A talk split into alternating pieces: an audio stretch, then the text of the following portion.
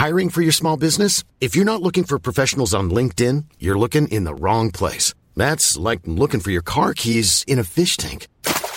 LinkedIn helps you hire professionals you can't find anywhere else, even those who aren't actively searching for a new job but might be open to the perfect role. In a given month, over 70% of LinkedIn users don't even visit other leading job sites. So start looking in the right place. With LinkedIn, you can hire professionals like a professional. Post your free job on linkedin.com slash people today. Hey, it's Ryan Reynolds, and I'm here with Keith, co-star of my upcoming film, If, only in theaters May 17th. Do you want to tell people the big news?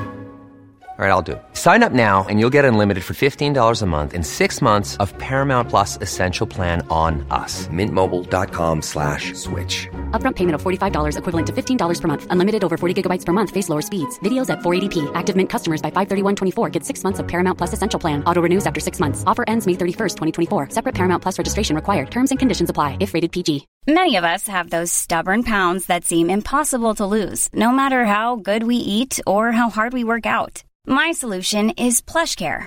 PlushCare is a leading telehealth provider with doctors who are there for you day and night to partner with you in your weight loss journey. They can prescribe FDA-approved weight loss medications like Wagovi and Zepbound for those who qualify. Plus, they accept most insurance plans. To get started, visit plushcare.com slash weight loss. That's plushcare.com slash weight loss.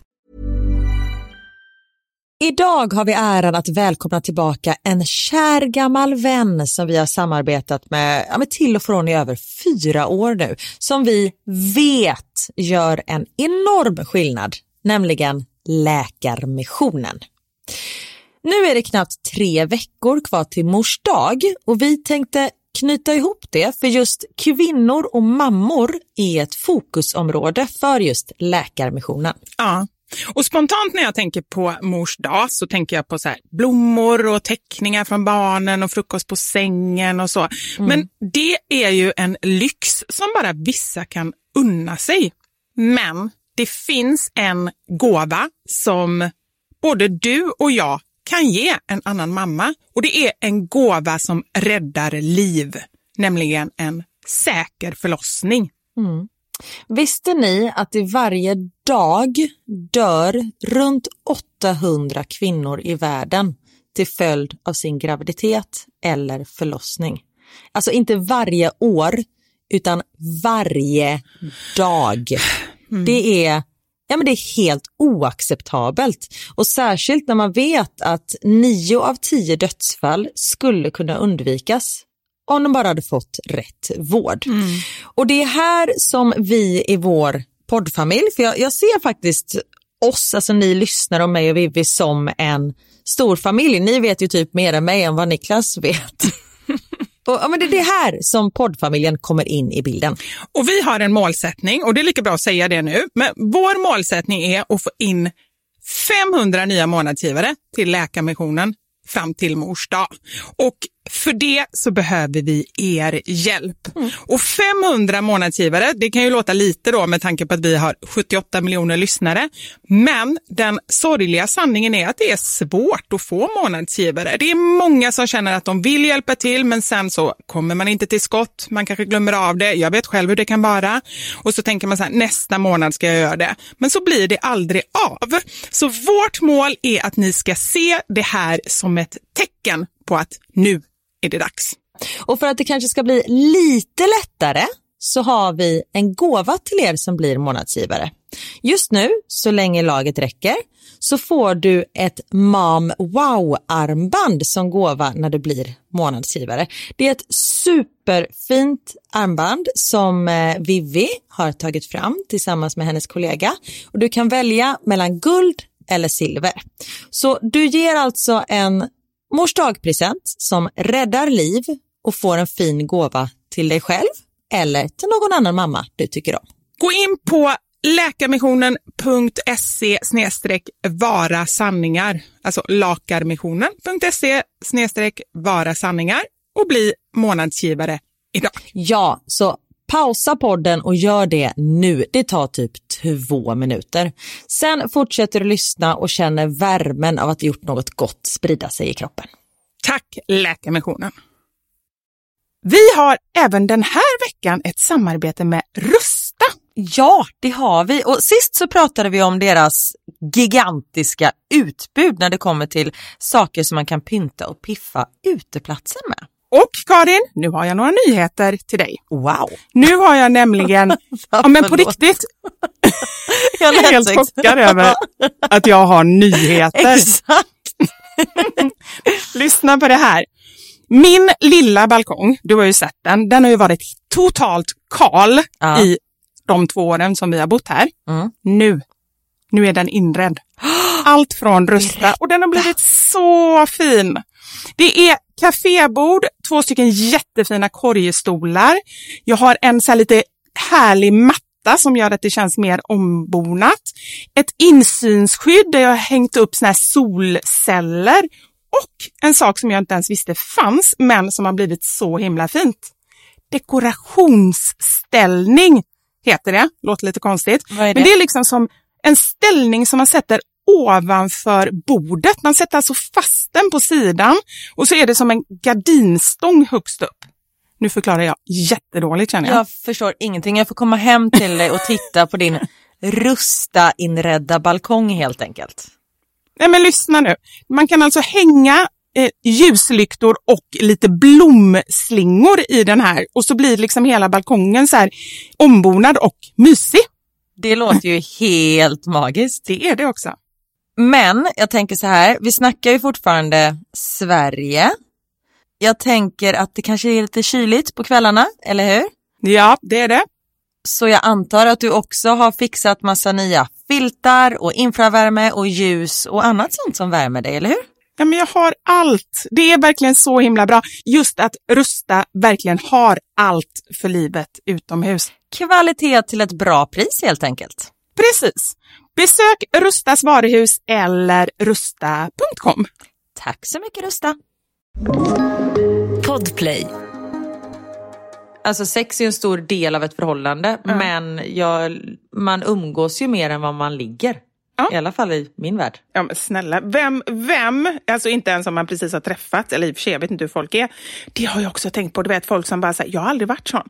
Bara, ah, men då hade vi sex 15 gånger på ett dygn. Jag har aldrig varit sån, inte när jag var ung, inte när jag var nykär, ingenting. Är det något fel på mig?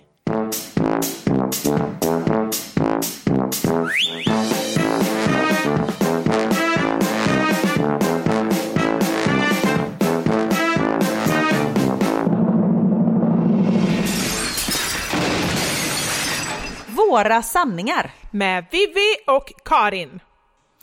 Ja, men tjenare, tjenare, tjenare. Det här är Vivi och Karin. Det är måndag morgon, klockan är 05.00 och solen strålar med sina varma strålar. Jag skojar bara. Alltså, Karin.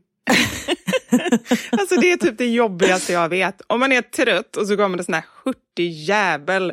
Alltså då, jag tror vi har förlorat 50 procent har jag redan lagt på. förlåt när det var 40 miljoner som lyssnar, sorry. Men alltså vi, Niklas har alltid på radion. Och radiomänniskor, nu har jag själv jobbat med radio och jag pratade väl likadant med varför är man tvungen att prata så här bara för att man jobbar med radio? Är inte det jättekonstigt? Det är väldigt, väldigt konstigt. Men jag undrar om det är olika kanaler också. För jag tycker ju de här kommersiella kanalerna är ju inte likadana. Alltså så här, Rix FM, Energy, de känns ju inte likadana. Eller? Känns som Sportradion är sån. Det är det han lyssnar på säkert. Nej, vi är på P3. Jaha. Ja, men jag lyssnar inte mycket på radio och det får jag bevis på hela tiden. För varje gång vi åker bil med, ehm, eller när jag åker bil med barnen, då sätter jag på radion. Och då är det ju liksom alla de här nya låtarna, moderna låtarna. Och jag känner inte igen en enda. De där dunka-dunka-låtarna. Dunka dunka låtarna. För jag lyssnar, jag lyssnar bara på ljudbok när jag åker själv i bilen. Ja, jag vet. Det är samma här. Och eh, den går ju dessutom också igång automatiskt när jag kommer in i bilen. Och Knut varenda gång, för jag lyssnar ju bara på så här lite tragiska grejer eller mord eller något sånt där. Och Knut bara, alltså det är så tråkiga röster. Idag var jag iväg och sen kom mördaren. Alltså det är verkligen så deprimerande röster. Och det tänker inte jag. Jag tänker inte ens på det. Nej, jag vet. Men sen också, du speedar väl upp lite när du lyssnar? Vadå speedar upp? Nej, men när man lyssnar på ljudboken så sätter jag på så här 1,4 uppspelning så att Nej. det går lite snabbare. Borde man göra det kanske? Jag gör inte det. Jag har ju liksom jag har gjort det vid några tillfällen, men inte så ofta. Ja, nej men 1,4, eller det beror på vem det är som läser upp, men den som jag har nu då har jag på 1,4. Ja. Och hon pratar så tydligt så det funkar liksom bra och man får med alla nyanseringar och, och allt sånt. Så det funkar eh, jättebra, men vissa kan man inte ha det för då tappar man hela känslan. Ja, Men häromdagen satte vi oss i bilen och jag hade också, det var liksom exakt på det sättet också. Min mobil kopplades upp till bilen och det var bara så här. Jag slog yxan i huvudet. Blodet sprutade. Jag bara what? Jag fick stänga av snabbt. Max bara, vad sa han? Jag bara, äh, det var ingenting. Nej men precis, och de tycker det är så konstigt. Knut brukar ju lyssna på Sune och den uppläsaren läser ju verkligen så här. Och Sune, han, idag var han jätteglad. Alltså det är verkligen en helt annan ton liksom. Ja. Men sen, jag blev också förvånad för Theo, som sagt vi lyssnar på radion när vi sitter i bilen. Men sen han kan typ alla låtar och jag blir så här, när lär du dig de här låtarna? Ja, vad säger han då? Sen tror jag att han lyssnar ganska mycket på musik när han är själv. Nej men han bara, jag bara kan dem. Jag bara, vadå bara kan Jag dem? bara kan dem. Ja. Det är så här, det är, man kan inte bara kunna någonting. Uppkopplad till... Eh, Jag kan ju inte ens saker som jag har lärt mig. Nej, men eller hur? Nej, nej, jag har, de, visst att de lär sig snabbt, men eh, där går nog även deras eh, gränser. Ja. Hur mår du mitt hjärta? Du har haft en tuff vecka. Ja, jo men det har jag. Men egentligen nu, om vi ändå ska prata om det, så skulle jag säga att det har varit ja, men, tuffa månader. För det här är ju någonting, nu backar jag bandet och tar det från början. Vill du ens prata om det här? Förlåt, jag måste bara fråga. Jag glömde bort att vi poddade. Ja, nej men jag vill, eh, jag vill prata om det och jag känner nu kan jag prata om det. Ja. Men jag har inte velat göra det under hela processen. Men jag skrev Nej. igår på Instagram och det gjorde jag i samråd eller liksom tillsammans med min kompis Sofia. Diagnostiserades med obotlig cancer i augusti. Och eh, hon fick tre månader. Det här är så himla hemskt. Och är ni, jag vet, jag har flera kompisar som är väldigt hypokondriska och tycker det är jättejobbigt att prata om sånt här. Så i så fall, känner ni det så kommer en varning här. Då får du spola fram fem minuter liksom. Men hon fick cancer i bukspottkörteln med metastaser i levern. Och eh, det är ingen bra prognos. Så att de sa redan från början att du har tre månader kvar att leva. Och ja, men de här senaste månaderna har ju bara varit jätte, jättehemska. Men jag har inte velat prata om det under tiden och sådär. Men nu känner jag ändå dels liksom att processa det själv och sen också att hennes familj har varit väldigt, väldigt öppna med det och sen att vi nu har haft en insamling via mina kanaler så att till Sofias ljusa minne, Cancerfonden till cancerforskningen, gör ju att då blir det ju liksom, då har vi ändå valt att prata om det. Nu känner jag att jag pratade jätteförvirrat. Jag hoppar fram och tillbaka. Fattar någon någonting? Nej men jag tror det. Din Sofia gick ju bort för några dagar sedan. Ja, förra onsdagen, så en vecka sedan, Ja. gick hon bort. Och det är en, en hel del saker som jag ändå känner så här att jag har tagit med mig av det här. För det, det tänker jag, liksom, bara så här, när det händer en sån här jätte, jättehemsk sak så hoppas man ju ändå att man kanske kan ta med sig vissa saker. Och Sofia, vi träffades när vi pluggade i München. Vi pluggade på så här Goethe-institut efter gymnasiet. Så vi var 19 år och träffades där nere på en lektion. Det var bara typ polacker och eh, ryssar och um, ungrare och så var det två svenska ganska unga tjejer. Jag vet inte vad detta var för någon kurs nu när jag tänker på det efteråt. För nu gick jag igenom album och kollade på våran klass. Alltså vilket gäng! Det var så annorlunda människor om man får säga så. Och så var det jag och Sofia och vi fann ju varandra med en gång och vi liksom umgicks dygnet runt. Och Sofia var ganska djup och jag tror inte att jag hade pratat på det sättet med någon innan. Det var hon som liksom väckte det här vad ska man säga? Och det är så svårt att prata om det. Men liksom lite andliga i mig. Alltså just det här med att finns det någonting efter det här livet? Och Vi pratade mycket om saker som vi hade varit med om när vi var barn och unga. Saker som, ja men jobbiga saker och liksom verkligen gick på djupet. Samtidigt som vi verkligen kunde festa och flamsa och bara, bara du vet, 19 år. Så vi blev väldigt, väldigt nära vänner. Var det hon som introducerade dig till batterier? Visste att du skulle fråga det. För nytillkomna lyssnare, jag måste bara köra en jättesnabb recap på det, för jag tror inte alla har hört det. Att jag hade ju en period där jag höll på med väldigt skumma grejer. Jag köpte till exempel batterier och någon konstig anordning som jag hade runt magen, för det skulle typ utplåna parasiter i kroppen, eller vad var det? Jag kommer knappt ihåg varför jag hade dem. Nej, jag så jag gick inte. runt med dem på stan med två stavar i händerna. och batterier som var runt min kropp. Det är ju jättekonstigt. Alltså det är så märkligt. Ja. Men det var inte Sofia som introducerade dig för det? Det där var på eget bevåg eller? Det var inte Sofia, nej. Men däremot så gjorde vi så här reiki healing, men det var ju senare i våra liv. Och hon höll på mycket med meditation och yoga och sådär.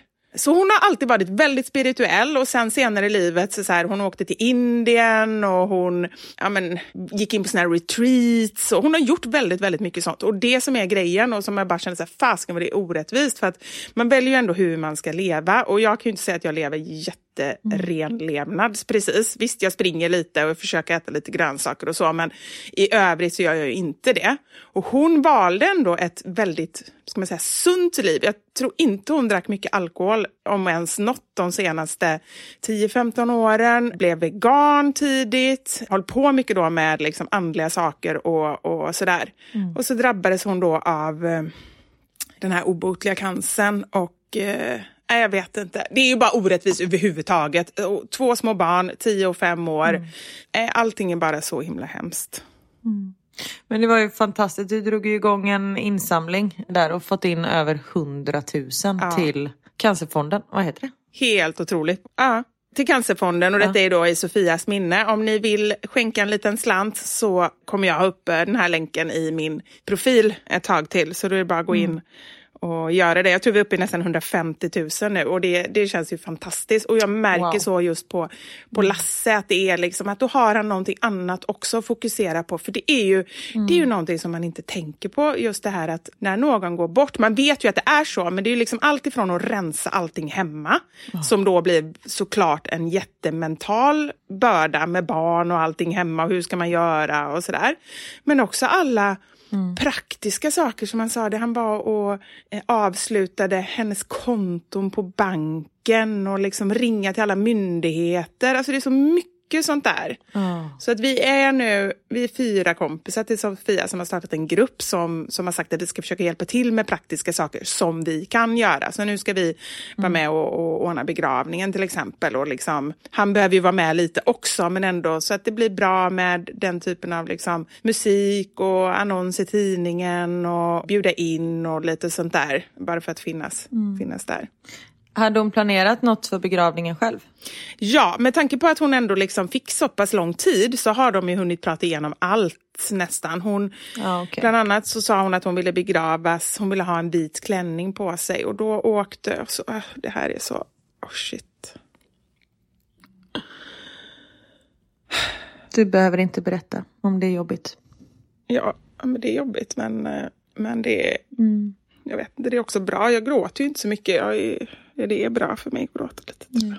Och man, man får gråta. Ja. Nej, men då, var, då ville hon ha en, en vit klänning, men hon hade ju liksom gått ner så mycket i vikt. Hon hade ju här, gått ner säkert 30 kilo, hon kunde inte äta någonting. Så hon hade ju inget som passade. Så då, dagen innan hon gick bort, då visste de ju att det var liksom i slutet. Då, då åkte Lasse, hennes man, till, eh, till Farsta centrum. Alltså bara hela grejen att det är så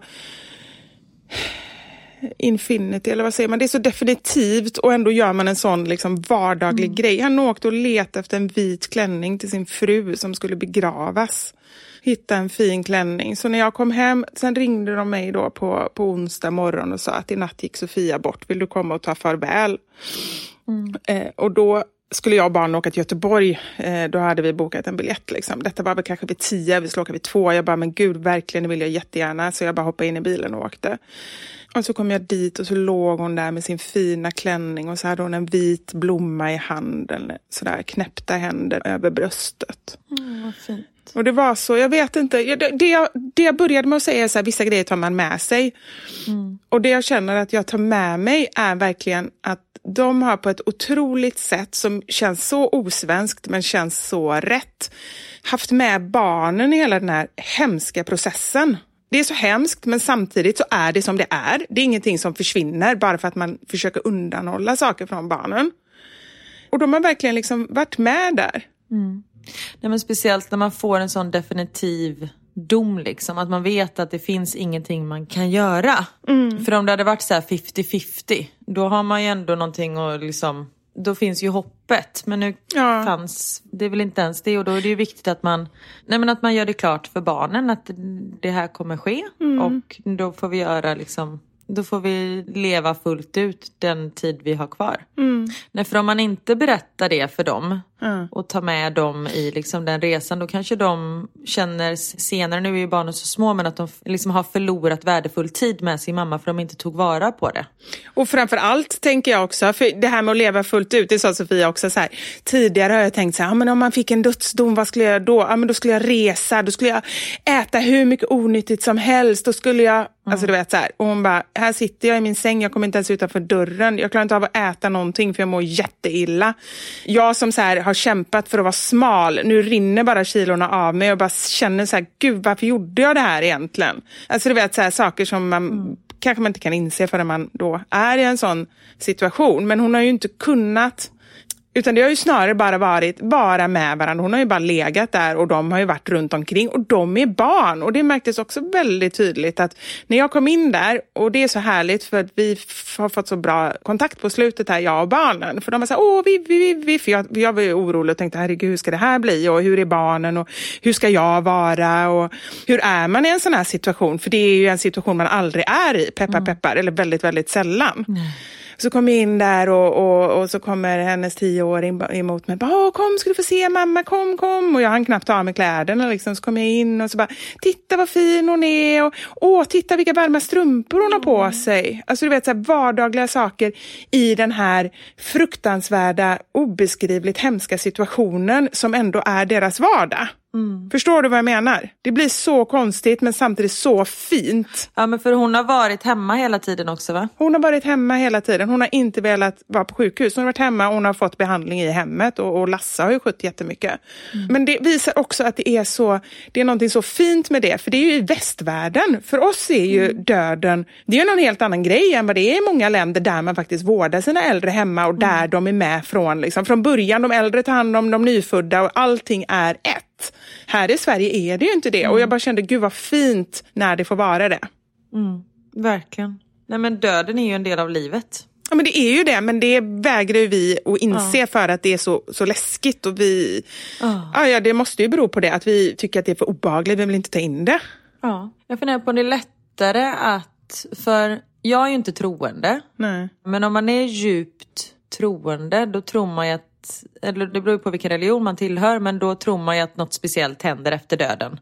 Man kommer till himlen eller att man återföds eller ja, vad det nu kan vara. Om det är lättare att förlika sig med döden då för man tror att någonting annat kommer hända efteråt. Generellt så tror jag absolut det, för jag tror ju att det är en anledning till att många är religiösa för att se en djupare mening och att liksom, ja men även med döden, det tror jag verkligen. Nej men det, jag känner ändå, det är också en grej som jag känner att Sofia, jag upplevde ändå att Sofia hade förlikat sig med sin situation och att hon, att hon inte var rädd i slutet. Nu fick hon ju starka mediciner också och jag fattar ju att jag vet inte säkert allt. Och, men hon kändes ändå ganska, för de har ju alltid pratat så om att själen är en grej och kroppen är en grej och det tror jag också. Och ännu mer nu. Jag kan inte tänka mig att Sofias vackra själ och så insiktsfull och så djup, det är inte slut här. Det var meningen med någonting annat för henne. Det tror jag. Jag tror verkligen det på riktigt. Och därför kanske jag inte heller tycker att det är lika hemskt som jag hade tyckt om det var så att, ah, okej, okay, nu är hon borta, nu är det bara svart för henne. Utan jag tror att hon är någon annanstans. Sen har jag ingen aning om vad och hur, men i något annat medvetande. Det är inte slut för henne. Nej. Ja, nej, det är jättesvårt. Det är svårt att spekulera om sådana saker. Men jag tror att det kan vara, för mig känns det ändå, jag ska inte säga så, åh jag är mindre rädd för döden nu, men jag är inte mer rädd för döden, utan jag är så tacksam också, för vi har inte heller, det skrev jag i mitt inlägg, vi har inte haft kontakt de senaste åren, de senaste tio åren, så det är jättelång tid.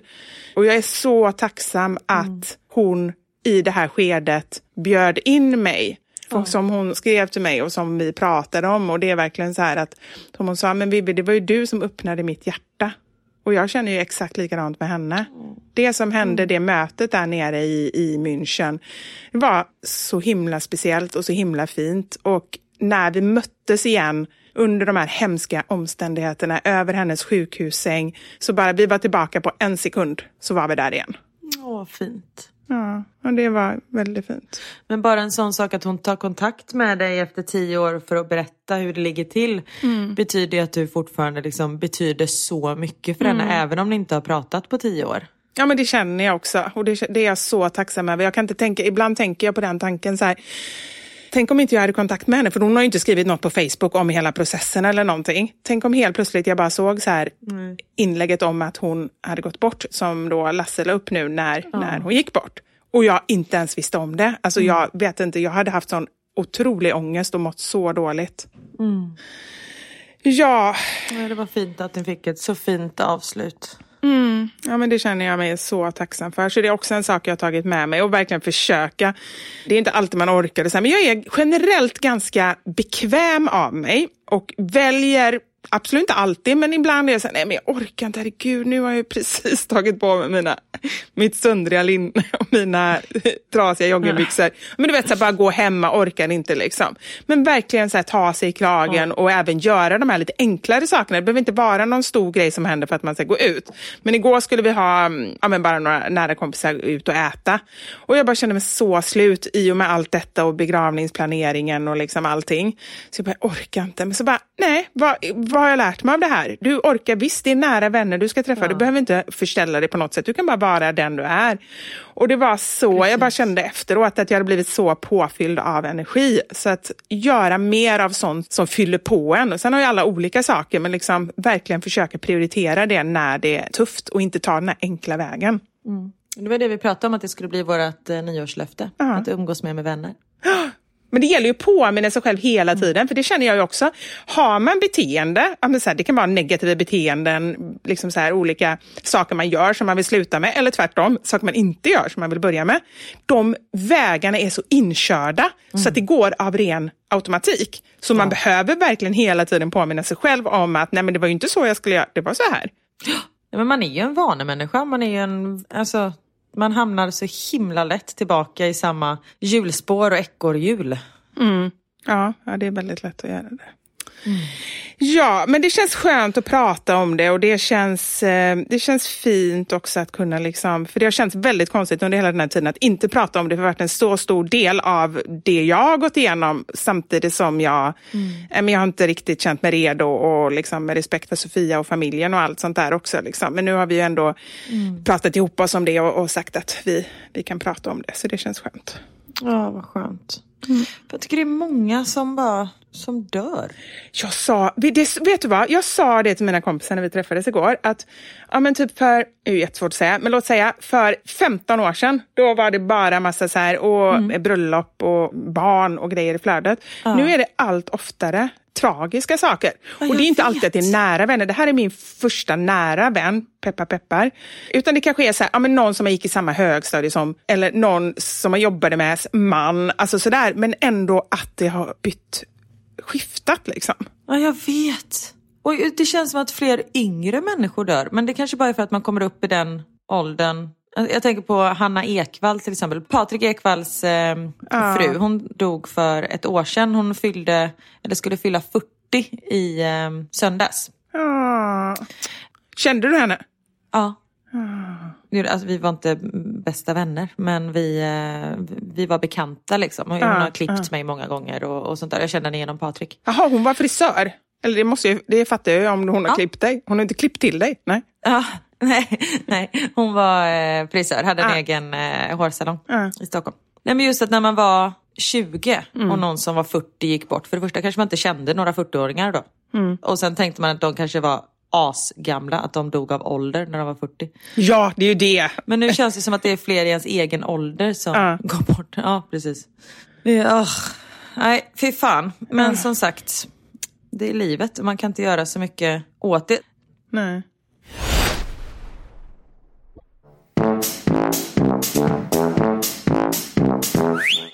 Theo har varit eh, sjuk, han har haft ont i halsen, han fick feber förra helgen.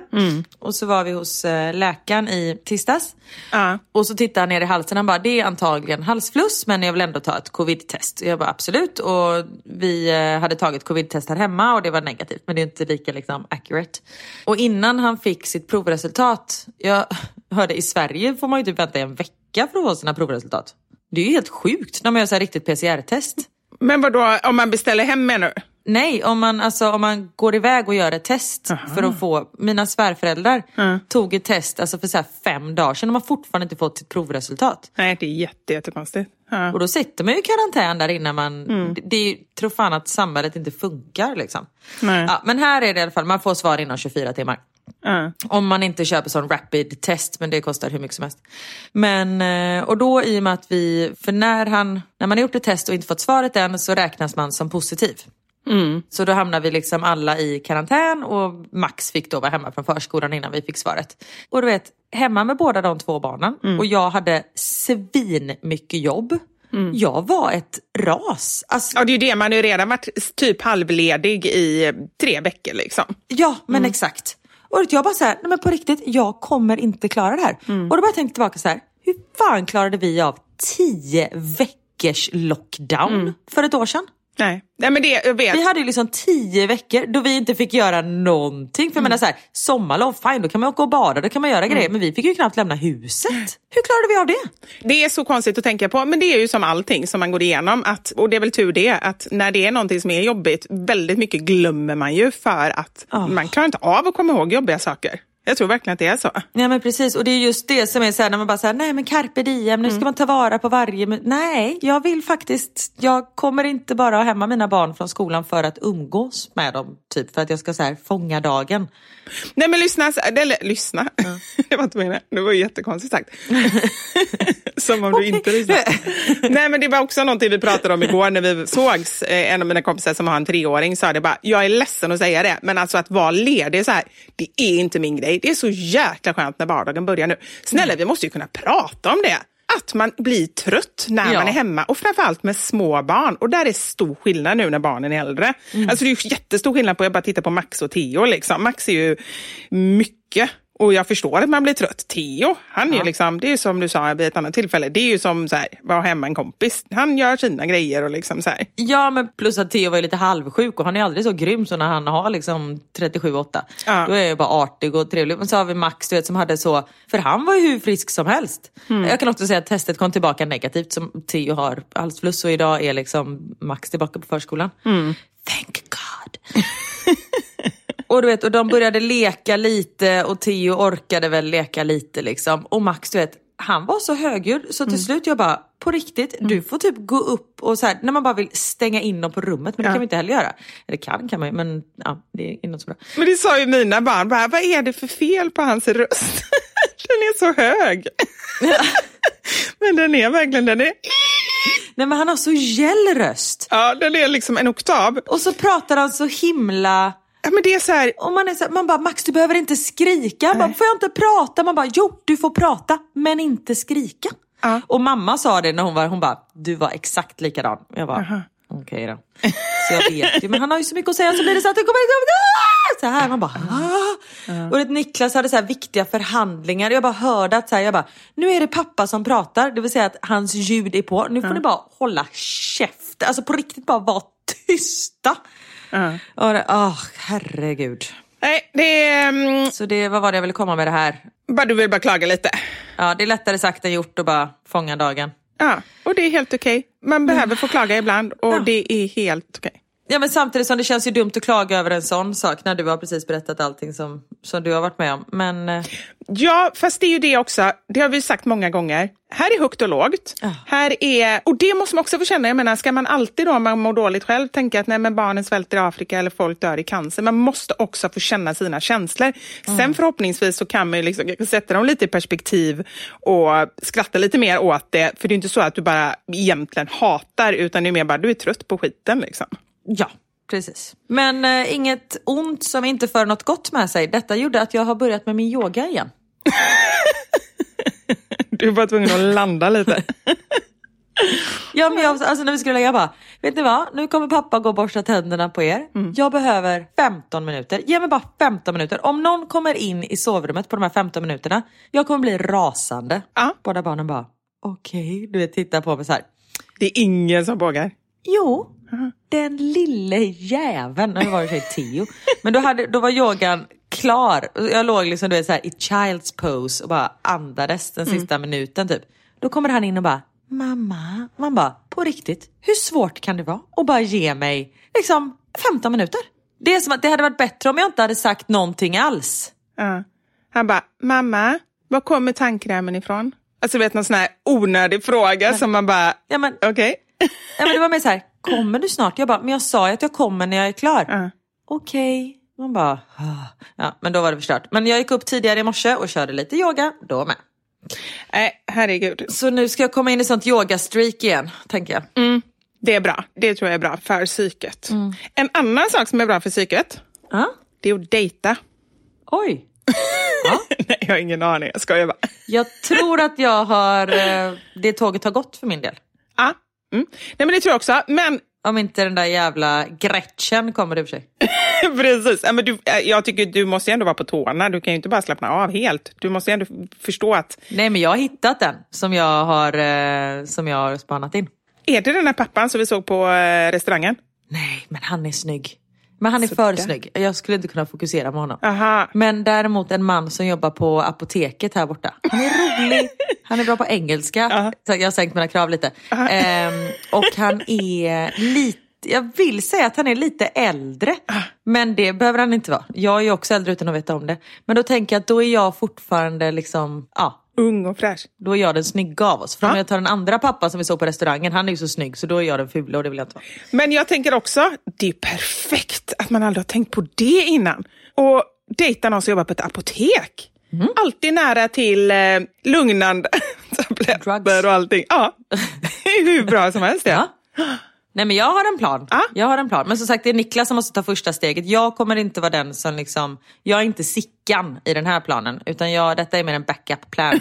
Har du kollat om man har ring på fingret? eh, nej, däremot kan han kanske vara gay.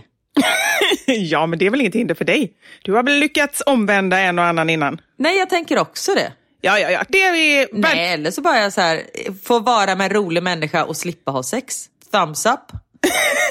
Ja, det, du tycker det bara är toppen. Nej, men man kan väl lösa saker själv. Ja, Ta det, saken i egna händer, så att säga. så att säga. Men vad, vad, nej förlåt, det, vad, ska du börja dejta? Vad har hänt? Nej, nej, nej, nej. Jag tycker bara dating är så himla roligt. Det är ju typ ett av mina tre intressen. Bachelor, det är visserligen dating. Kändisar och eh, ja, kaffe och choklad och sova kanske inte kan räknas. Men i alla fall, jag tycker dating är super, super roligt. Och igår när jag träffade mina kompisar så eh, en av dem har börjat dejta. Och det tar jag ju på största möjliga allvar. Så att jag är ju liksom med i den här processen. Så nu satt vi liksom så här, hon hade, hon, hade tre stycken har hon på gång. Alla verkar skittrevliga. Hon ska träffa den ena idag. Men det fick mig att tänka på, vi hade vänner här i, i helgen och då berättade de om en annan kille som var ute på Tinder. Och då, jag tycker det är så roligt. Då var den här killen då också nyseparerad och hade börjat skriva med en tjej som han tyckte bara shit, det här kan verkligen vara någonting. Och då hade den här tjejen skrivit, ska vi ses på ons? Och han tänkte, fasiken, nej. Han ville ju jätte- jättegärna träffa henne, men han bara, nej, jag kan inte på onsdag. Men jag kan ju faktiskt på torsdag. Och då hade han eh, skrivit tillbaka, så nej, jag kan inte på ons, men jag kan på tors. och då hade hon svarat så här, va, är du ny på Tinder? Vet du vad det betyder, ons? nej. One night stand! Han hade inte fattat någonting. Han trodde det var onsdag och det hade jag ju lätt trott också. Så hon bara, jag tror inte att det är någon idé. Ja men det är väl klart. Men det är ju liksom en helt ny värld. Förstå hur roligt det här är. Men gud vad roligt. Och tydligen så var det enligt honom då jättemånga tjejer i, ja men låt säga 40-årsåldern, någonting sånt där, som liksom kanske har kört hela svängen med barn och sådär.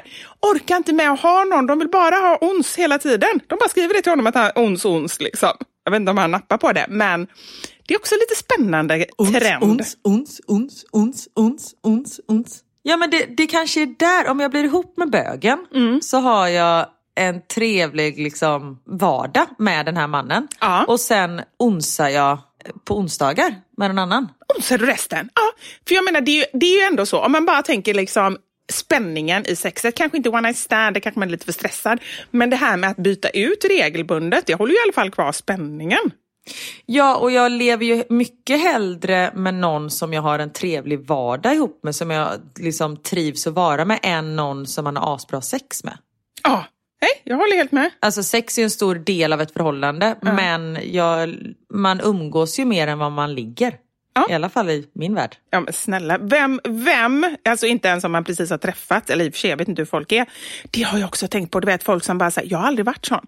Bara, ah, men nu hade vi sex 15 gånger på ett dygn. Jag har aldrig varit sån, inte när jag var ung, inte när jag var nykär, ingenting. Är det något fel på mig? Nej, nej, det är det inte. Men jag har haft det så med en av mina ex, men det var för att vi inte hade något att prata om. Där var det så. hur länge höll det? Äh, men typ ett och ett halvt år. Ja, det gjorde det. Men ni, bodde, ni levde ju inte ihop. Jag antar att det var någon så här, du måste berätta vem det är, var det han eh, lugnaren eller? Ja, precis. Ja. Nej men då bodde ni inte i samma land ens väl? Nej, precis. Så Nej. när vi träffades var det ju ganska intensivt. Liksom. Ja. Men så var det ju med mig och Niklas. Så var ju folk så här, I och med att han var ute på havet så Ja. mycket.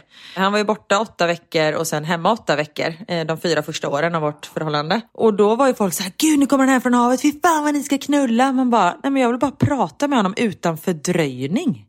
Alltså, ja. Så vårt förhållande började redan där liksom byggas på nej, men att, att prata. Nej men det är ju det, alltså, och sen också verkligen när man får barn, då eh, har man bara sex. Eller det- det är grundstenen, då tror jag att det är väldigt svårt. Sen ska man inte förringa det, det tycker jag verkligen inte. Utan jag menar, den är, det är en Nej, viktig del för inte. att eh, ändå vara något mer än kompisar. Men det känns inte som att det är den viktigaste delen. Nej.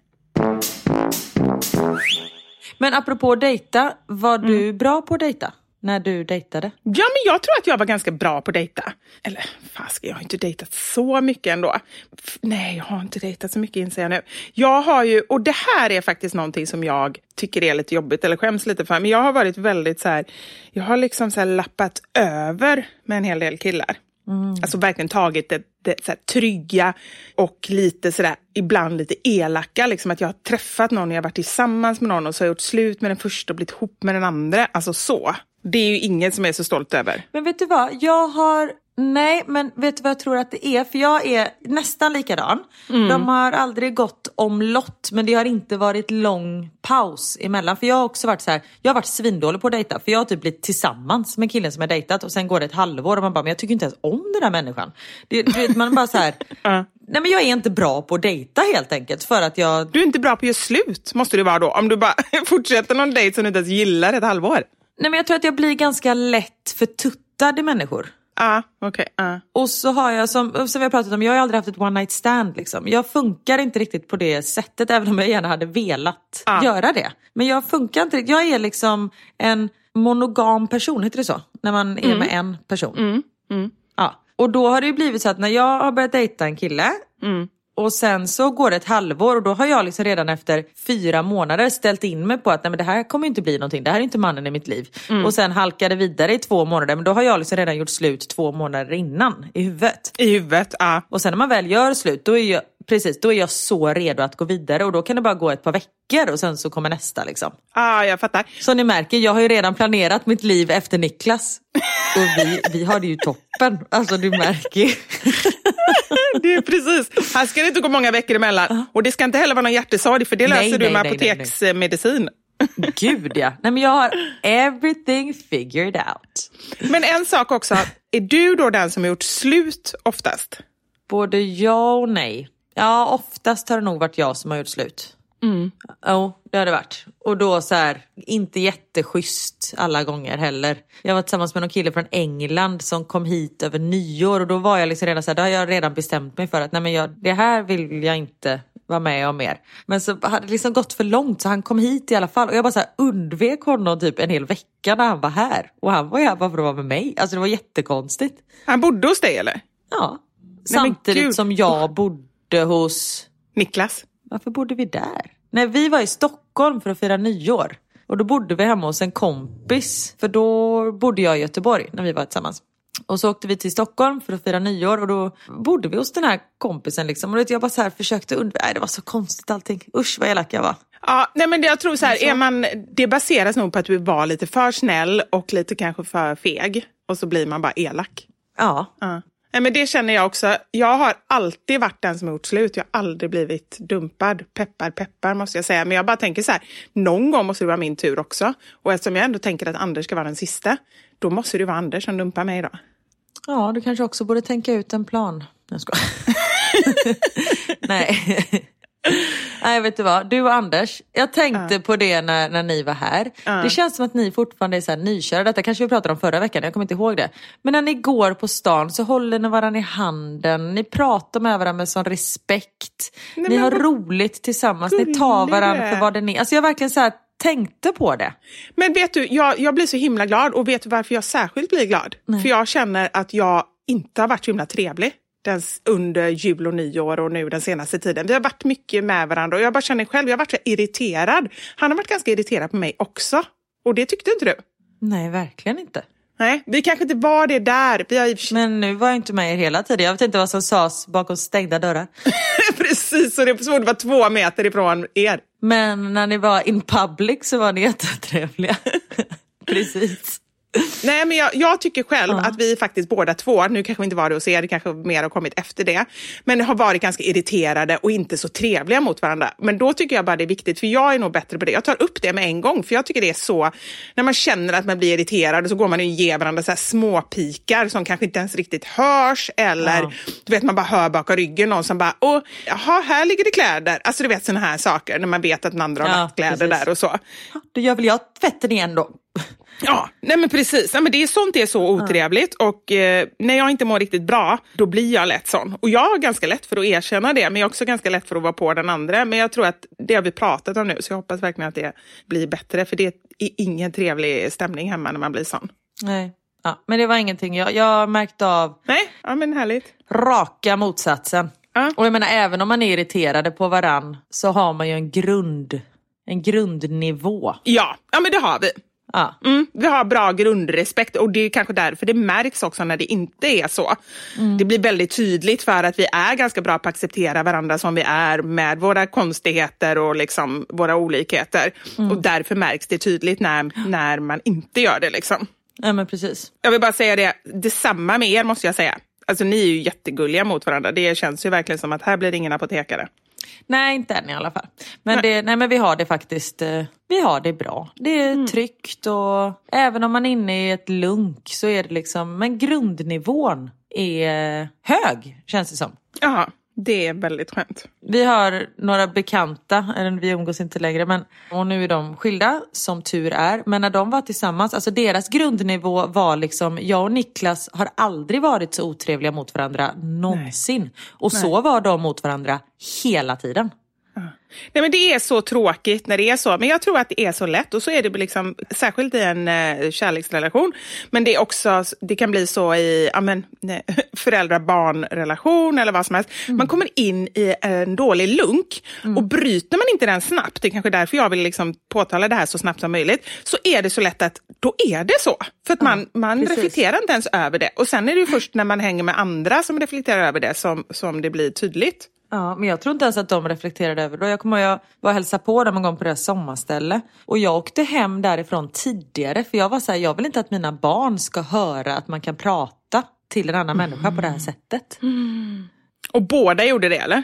Ja, nej men det var liksom alltså, de kunde sitta vid frukostbordet och bara, jag får smöret. Va? Ja, men jag får smöret. Ja men det står ju där, men du kan väl ta det själv? Du vet, man bara, men, men herregud, bara ge varandra smöret och säg varsågod. Alltså det, varenda liten grej. Nej, det var eh, inte trevligt någonstans. Så känner ni där hemma, det tycker jag ändå här, kan vara en ganska bra uppmaning. Om man nu känner det, det är som du säger, kan, man kanske inte ens märker det. När man är så djupt i det så kanske man inte ens märker det. Men känner ni så hemma att ni kanske har hamnat i lite så fel hjulspår, se det som ett tecken att faktiskt, eller det här när vi pratar om det, som ett tecken att faktiskt ta upp det med er partner. För att det är ju ändå första steget mot att det ska ske en förändring. Och tycker jag i alla fall, var gärna ganska så transparenta med att ni förstår att ni själva också gör fel. För annars är det väldigt lätt att det bara blir pajkastning även en sån diskussion. Ja men precis, men att man så här, jag tycker att vi båda har en ganska tråkig ton till varandra. Ja. För det, det kan jag säga till mina barn till exempel, att det är så här, och de har väl fått det från, för att jag kan vara otrevlig mot dem tänkte jag säga. Att man är så här, nej vet du vad, nu får vi bara pr- börja prata snällt till varandra istället. Ja. För det blir någon i tyken och då blir man tyken tillbaka. Tyken, använder ett Göteborgsord. Åh, vad härligt. Det finns inte överallt i Sverige. Nej, Att man är otrevlig mot varandra. Nej. ah, det är så bra. Jag, jag blir glad.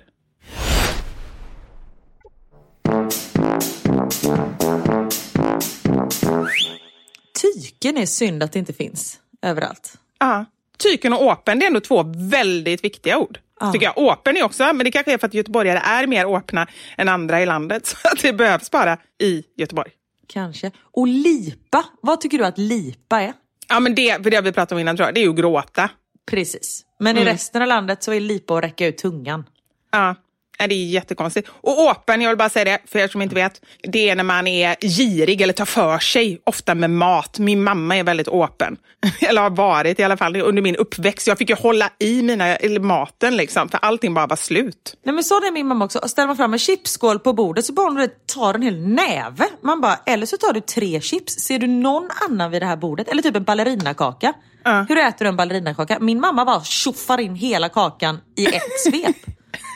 det gör min mamma också. Man bara, eller så delar du det. Alltså så här, usch. När vi är på restaurang, jag och min mamma, det var, eh, nu var det ju ett tag sedan vi var det, men då så bara beställer vi in efterrätt. Innan hon ens börjar på den efterrätten, alltså när, när servitrisen kommer in med efterrätter till oss alla och så ser hon sin efterrätt och ser, den var inte stor. Då, då beställer hon in en till innan hon ens börjar äta på den. Oj.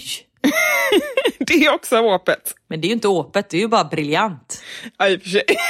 Alltid ha en going liksom. Verkligen.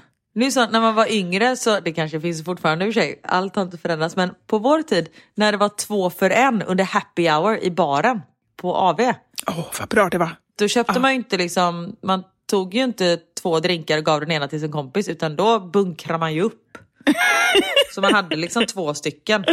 Ändå härligt. Det var tider det, Karin. Ja, och de var så goda de här drinkarna. Det var päronsmak och... Ja, men egentligen, det var ju bara slisk. Fan, nu ska man bara dricka så här. Niklas gör ju en väldigt bra GT, men det är så här vuxendrinkar. Ja, nej. Tillbaka till Sex on the beach och eh, Orgasm, eller vad heter de? Piggelin och... Ja. Va? Jag tror att alla hette något med sex, men det kanske inte var så. Och jag bara Piggelin, Smurfen. Vi hade lite olika ungdom kan man säga. Exakt. Fuck me in the ass och... Köttrosen, fuck me in the brain. Ja, Jag ser köttrosen ser jag framför mig. Köttrosen är en röd drink och högst upp på en sån här, typ en grillpinne som är nedstucken med du vet lite så här paraply tjotafräs som står. Där sitter det en ros som är liksom i någon form av godis men som man inte riktigt ser om det är en ros eller ett anus. Det är köttrosen. Nej, men gud vad äckligt. Aha. Ja, Ja. ska vi gå vidare i livet kanske? ja, vi gör det. Ja. Jag tycker vi kör eh, veckans sanning. Vad sägs om det? Det tycker jag också. Det har blivit dags för...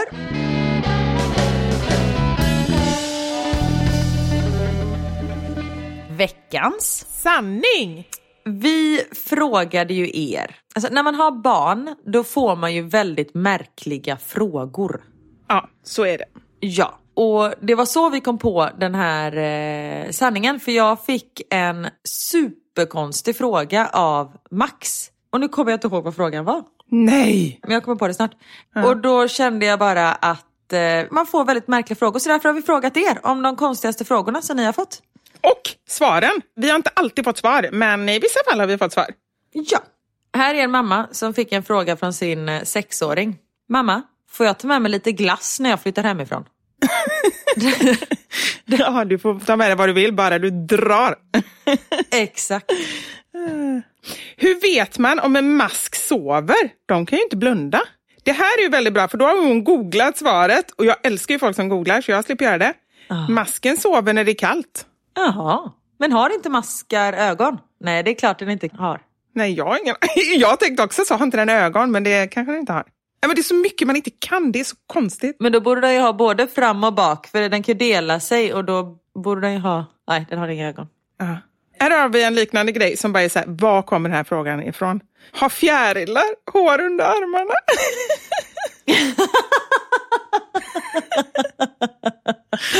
den är så bra! För det första bara, har den det? Så jag bara, armar, den har inga armar. Vingar, har den hår under vingarna? Fast den har ju massa armar, eller ben. Har den inte typ sex ben? Jaha, det har jag ingen aning om. Det har den kanske. Det har väl kanske alla insekter. Eller är ens en fjäril en insekt?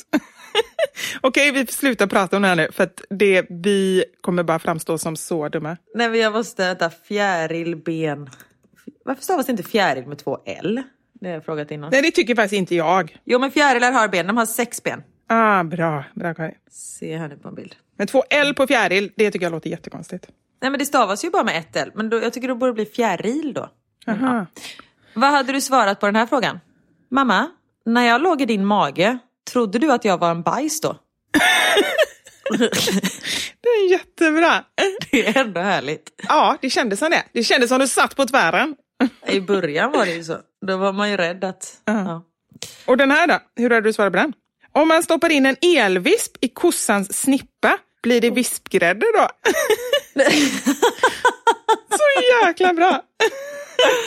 Nej, men då har man ändå tänkt till. Men den är bara briljant i sin felaktighet. Så är den ju bara så här, den är bara så klockren. Ja.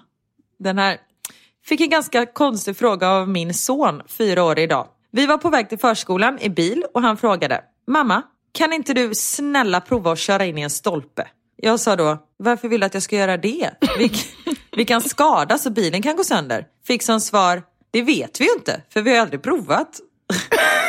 det är sant. Okej, det finns en anledning till att man ska vara 18 om man tar körkort. Ja, precis, exakt. Ah, shit. Vår fyraåriga son frågade sin morfar på födelsedagen. Morfar, om du dör idag, får jag öppna din present då?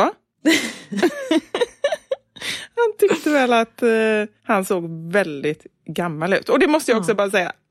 Det här berättade Anders någon gång för länge sedan. Anders brors barn, när hon var ja, men kanske fyra, fem eller någonting, så hade hon sagt till eh, sin farmor, alltså Anders mamma, tänk att vara så gammal och ändå leva. Ja, Är inte det så gulligt? Tänk att vara så gammal och ändå leva. Du borde ju vara död. den här är så smart den här frågan. Fick frågan igår från min sexåriga dotter var håret på huvudet kommer ifrån. Om man har det inne i huvudet eller om det är all spaghetti man äter som samlas i magen och sen vandrar upp i huvudet och växer ut som hår. Jävligt smart ändå. Älskar ungen. Ah. Men det är så här, var kommer håret ifrån? Alltså bildas det Ja. i hårsäckarna? Gör det ju. Och så Ja. växer det ju. Men vad? Nej. Men när man tänker så, då är det ju jättemycket som man bara säger, var kommer snoret ifrån? Det är också där, det bildas ju i bihålorna på något sätt och kommer ut. Ja. Men man tänker ju aldrig på det. Och det är typ vita blodkroppar. Jaha, googlar du nu eller? Nej, men jag kände när jag sa det högt. Det kan inte vara vita blodkroppar, det måste vara plasma. Nej, vad fan, vänta. Ja, nu måste jag googla. Pratar du om hår eller snor? Snor. Aha. Det är ju slaggprodukter. Snor och näsan fungerar ungefär som reningsmedel.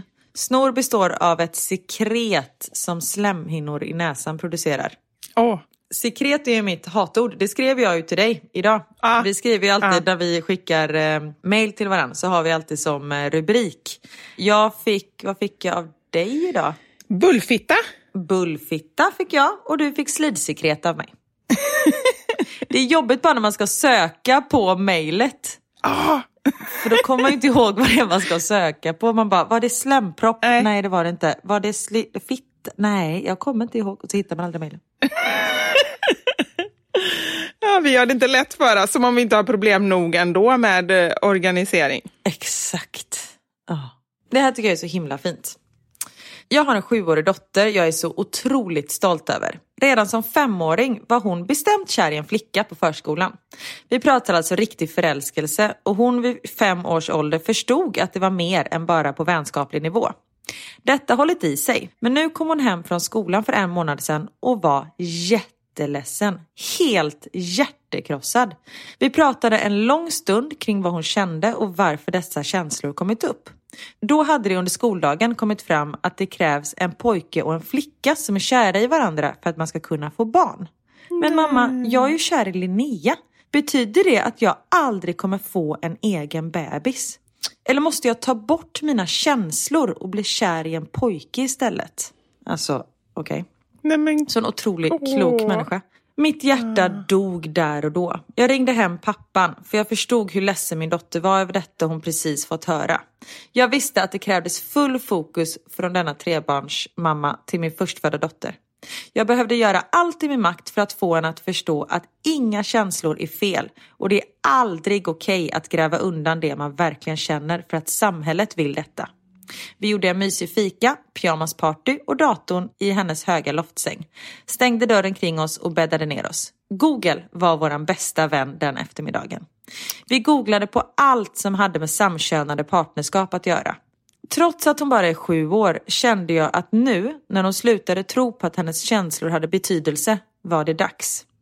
Jag fick ett mail från hennes fröken förra veckan. Hur tacksam hon var över att Camilla höll ett helt föredrag för klassen om att man visst kan få bebis om man är i ett tjej-tjej-par eller kille-kille-par. Hur viktigt det är att fortsätta vara kär i den man är kär i trots att samhället tycker annorlunda. Åh. Visst är det fint? Nej men gud vad fint! Ah, så fint! Och vilken, åh vad fantastiskt att hon, mamman, verkligen liksom tog det på allvar och verkligen... Ja men åh, det, nej, det, jag bara ryser. Så fint. Ja, och just att hon ställde en fråga och fick ett väldigt bra svar. Och att de, ja, det är fantastiskt. Ja, jättefint. Här kommer något annat, inte lika fint, eller inte fult heller, men ja, jag bara inte ville höja förväntningarna. Min dotter kom en dag, helt out of the blue. Mamma, vad betyder Aina har spanlen? Va? Aina har spanlen! Okej, jag säger det långsamt. Aina Ja. har Ja. spanlen. Fattar du? Det är sånt gettospråk, polisen har koll på dig. Exakt, polisen har koll på dig. Så roligt. Vem är det som har sagt så? Men det är ju, Det är jag fattar ingenting, men det är ju jättekul. Ja. Gud, vad fan var det Max sa igår? Jag måste... Jo, vi lyssnade på Molly Sandén, Sand, den låten. Och Max bara, åh jag älskar den här, det är Ronny Sandell. Vi bara, va? Ronny Sandell? Vi bara, Ronny Sandell? Han bara, nej. Ronny Samdell. Vad är det du säger? Han trodde att hon hette Ronny Sam i förnamn och sen Dell i efternamn. Alltså, det är så jävla roligt. Ronny Ronny Samdell. Ronny Samdell. Det är så jävla gulligt. Alltså det är så bra! Och så är det ju innan, alltså det händer ju någonting när man börjar läsa. Helt plötsligt Ja. börjar man förstå jättemycket ord som man innan inte har förstått. Ja, man vet ju inte var ett ord börjar och var det slutar. Och det märker man ju nu när, när de börjar prata engelska. Om någon säger My name is Max. Alltså det kan vara My name i ett ord, sis, alltså så här, ja. Det är väldigt gulligt. Ja, nej men gud vad gulligt. Ja. Heter det nyckelben för att gubbarna som i min kropp hänger sina nycklar där när de går hem? Sonen var fyra år. Och jag svarade att så är det absolut. Herregud. Sonen pillade mig under armen på mitt stubbiga hår och frågade vad det är. Hår, sa jag. Han frågade om jag tappat ner det från huvudet. Det är inte helt konstigt. Nej. Äh då. Har du en pung mamma? Jajamän, jag var nämligen naken. Och jag fick klart för mig att hon menade att mina blygläppar hängde. Men det måste ju blivit jätteförvirrat för barnen om hon tror att mamman har en pung. Det står det. Det kanske är bättre att säga nej, men det är mina blygläppar. Exakt. Men det kanske är nästa steg. Ja, ja, det tar vi sen. Ja. Sonen, då nästan tre år. Vad betyder belevad? Jag relativt förvånad. Va? Var kom det ifrån? Sonen, min mun. ja, det är sant. Det var han som sa det. Det var jättebra. Det var ett bra svar. Och det här då? Mamma, är du ett barn? Nej, jag är vuxen. Varför undrar du? Varför når du inte lego till bokhyllan? Jag är 1,58. så roligt bara. Roligt. Varför når hon inte? Hon kanske är ett barn. Jag måste fråga. Och det, här är, det, här, det här skulle kunna vara du och jag för vi är ju ofta så här, vi vill förklara men, och så känner man bara så här, eller så slutar det bara prata nu men man drar det lite för långt. Det började med att min då treåring frågade, mamma, vad är en äggstock? Utan att tänka svarade jag, eh, det är något som mamma har i magen. Treåringen tittar förundrat på mig och frågar, kommer du få en höna i magen sen? Jag försökte sen förklara menscykeln på ett sätt som jag då tror är anpassat för min treårings öron. Några veckor senare med min mens berättar treåringen glatt för omgivningen att mammas ägg har lossnat så nu har mamma hönor i magen och det är därför mamma har värk nu.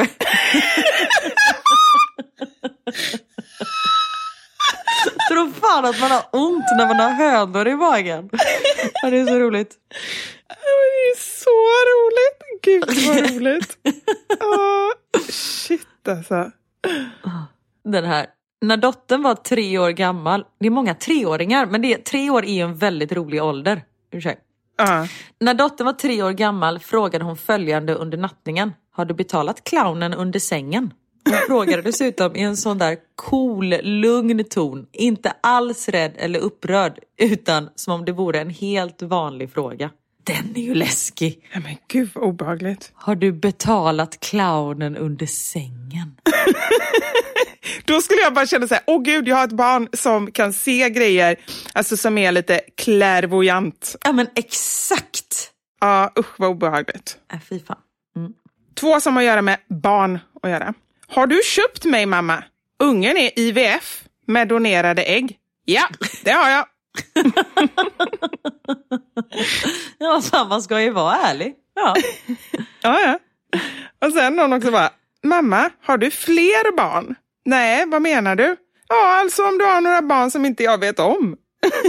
det är också jätteroligt. Nej, Underbart. Tack för att vi fick skratta. ja, tack så mycket. Och det har varit väldigt högt och lågt idag. Mm. Det har varit verkligen skratt och gråt. Och innan vi avslutar. Jag har fått jättemånga, och det har du också garanterat fått, frågor om vår live-turné nu när, de, eh, Ja. när det är nya restriktioner igen.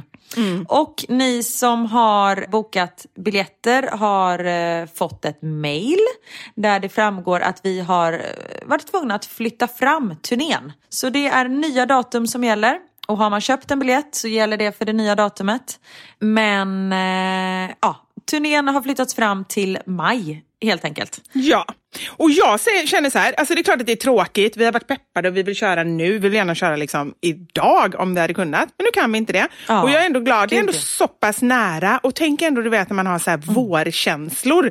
Precis. Alltså jag får bara känslan, jag blir så glad nu när jag bara tänker på det, att liksom så här, då har man kanske köpt någon ny fin eh, sommarklänning och solen skiner och man kan ta en drink. Alltså, nu när det ändå har landat i det här så känns det ändå bra och jag är så glad att vi har fått Ja. sju tider på alla föreställningar, alltså 19.00. Det tycker jag Ja. är roligt att det inte blir så här på dagen utan då känns det lite mer fest och egentid. Tycker jag i alla fall. Det är lite mer fest. Precis. Ja.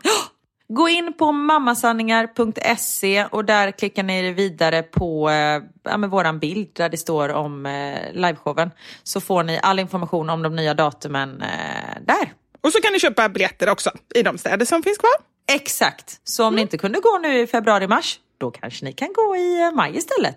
Ah, bra där, bra där. Aha. Men tack så mycket för idag. Vi hörs nästa vecka. Vet du att jag känner att det här börjar bli lite som när jag ska gå och lägga mig på kvällen. Jag kommer liksom aldrig i säng. Jag känner att jag har så svårt att avsluta för att det är liksom som att det är slut. Jag har svårt för slut helt enkelt, har jag insett. Ja, Men det har inte du. Det är därför du är den tråkiga som avslutar.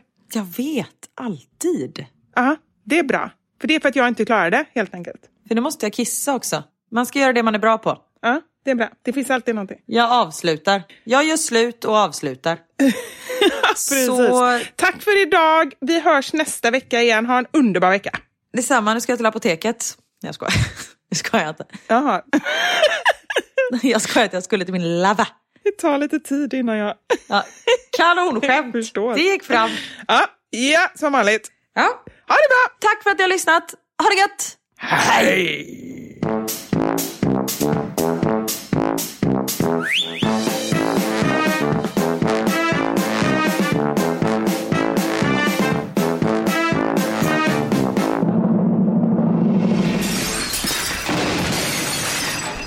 Våra sanningar. Med Vivi och Karin.